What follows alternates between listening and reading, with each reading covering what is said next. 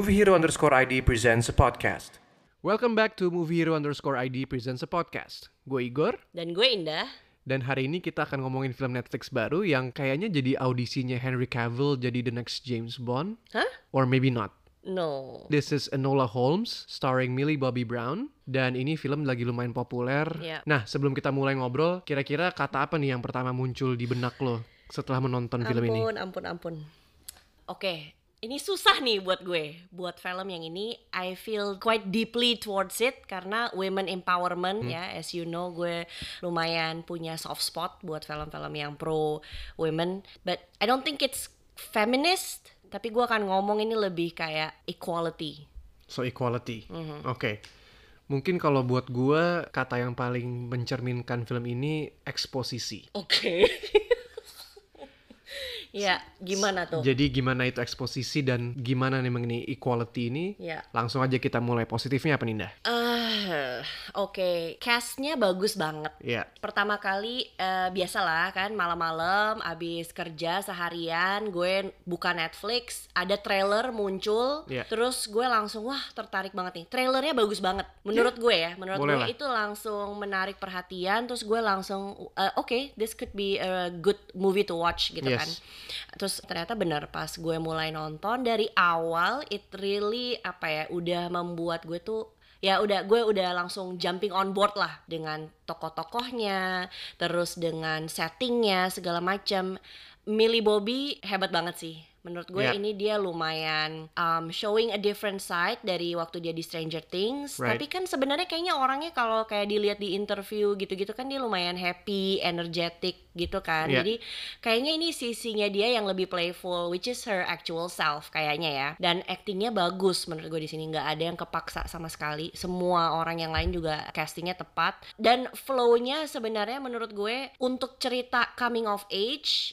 khususnya untuk seorang perempuan gue tuh mixed feelings banget nih sebenarnya filmnya bagus gue enjoy tapi gue agak bingung untuk menerima message-nya I see. message filmnya. Um, gue nggak tahu apakah itu positif atau negatif ya. Mungkin nanti gue bisa bahas di segi- sedikit negatifnya kali ya. Tapi intinya filmnya kayak gue ngerasa kayak nonton Hailey Steinfeld ya. Kayak kalau gue, iya Hmm, ya iya, kan iya, di iya. di film apa tuh yang dia The jadi Age of 17? Yes, Yeah. yes, yes, yes. Itu bagus. Kayak ini kayak Ah. The Age of 17 campur Home Alone, campur Sherlock Holmes. Sherlock Holmes yang Robert Downey? Yang Robert Downey angle-angle-nya ya terus Yes. kayak ada shot-shotnya yang agak tiba-tiba cepet tiba-tiba lambat terus Yeah. kayak eh, ngajak orang mikir lah apalah segala macam bukan Sherlock Holmes-nya Benedict Cumberbatch tapi Which you which I love Love, love love love love love love. Itu nilainya 10 10 buat gue. Kalau lo gimana?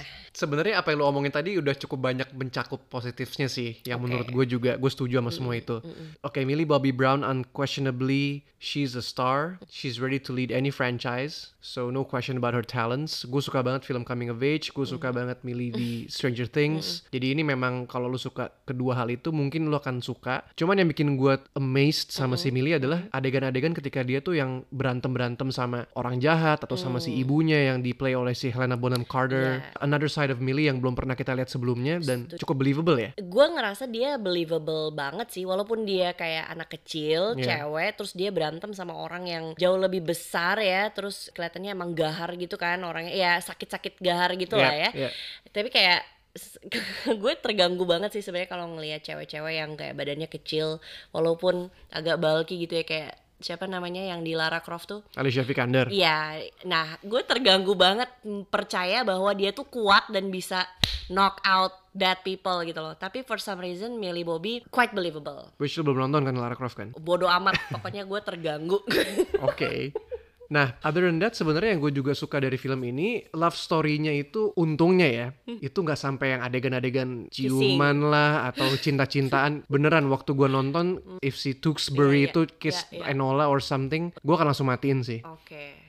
Dan Iya. itu beberapa kali memang kayak kesannya mau hampir tapi terus nggak jadi Hmm, gitu. Jadi ya gue cukup menghargai lah si filmmakersnya untuk mengambil keputusan nggak terlalu Iya. bikin-bikin love stories di antara mereka berdua. Padahal bisa banget tuh mengalahkan pamornya Iya. siapa tuh yang di Twilight si Robert Pattinson sama si Iya, iya, iya. Kristen Stewart Iya, itu iya, kan. betul, betul. Gitu. Ah, gue bisa cukup appreciate itu dan of course production desainnya juga niat banget sih buat sebuah film Netflix. Cukup bagus. Eh, negatifnya apa nih?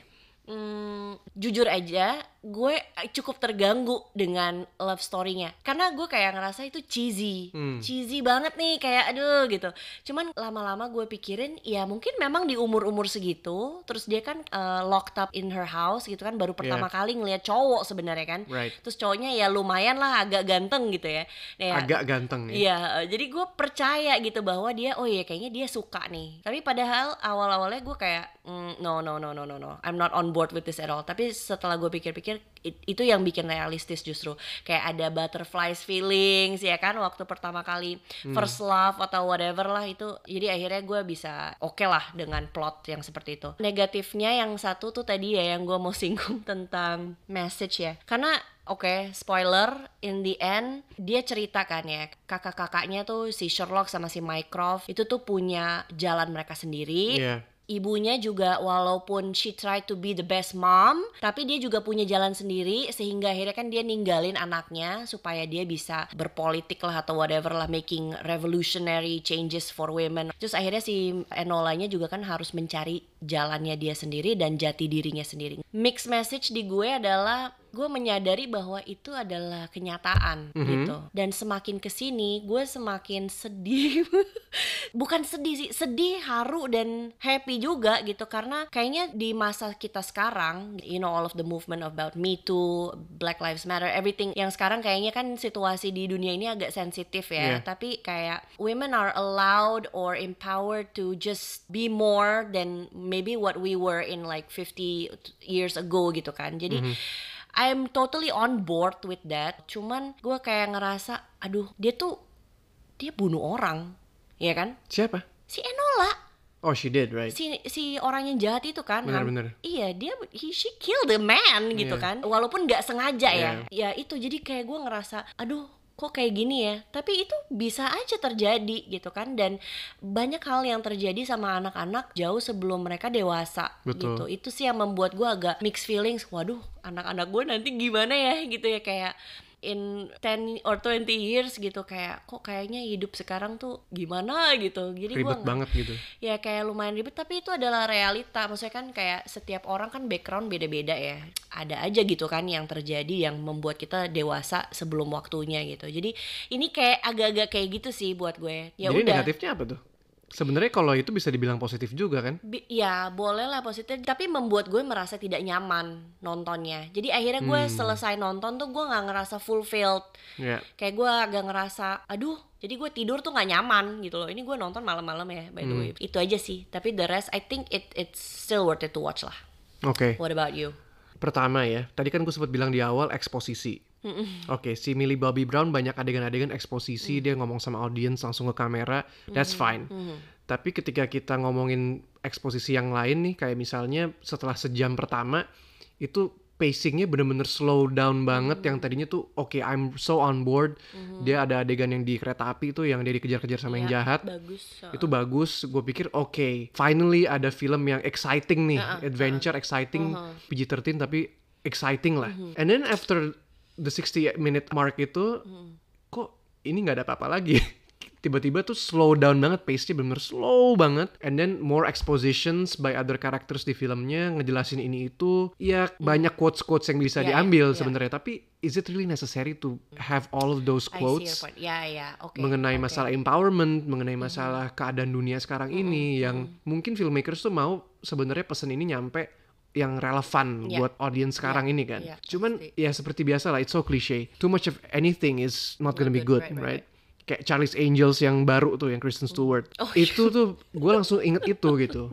Pesan feminisnya kan bener-bener in your face banget, girl Oke. power banget. Tapi kalau terus-terusan dijejelin ke muka lo kan juga lama-lama, aduh, gak nyaman nontonnya gitu. Bukan karena audience itu atau gue itu cowok atau audience itu nggak suka uh, feminis, tapi lebih kepada ya udahlah cukup gitu. Gue cuma pengen pesannya tuh yang subtle tapi mengena gitu. Nah ini tapi sayangnya, especially after the first hour itu langsung bener-bener in your face banget. Dan actually setelah dipikir-pikir lagi, secara keseluruhan dua jam yang menurut gue juga lebay durasinya itu cuman ada tiga adegan yang exciting waktu dia naik kereta api Bener, waktu dia berantem sama si yang jahat itu sama yang terakhir waktu dia berantem lagi sama yang si jahat itu Oh iya, betul betul. di rumahnya si Iya, Tewksbury iya, iya. jadi action juga enggak lebih ke drama mungkin lucu ya kadang-kadang ada komedinya Iya. jadi agak Nanggung. all over the place menurut gue Iya. So, what's the score nih? kalau gue ya of course sesuai yang di Instagram it's worth watching it's still disappointing tapi just to see si Millie Bobby Brown doing her Hmm. Ya. thing yang keren abis gue kasih ini enam setengah dari 10 Oke, gue bisa lebih appreciate lah. So I give it a 7. jadi 7 out of 10 ya Ya. oke so there you go 6,5 dari gue 7 dari Indah atau mungkin lo punya skor sendiri jadi bisa langsung cek aja Enola Holmes di Netflix and that's all for today's episode Bye.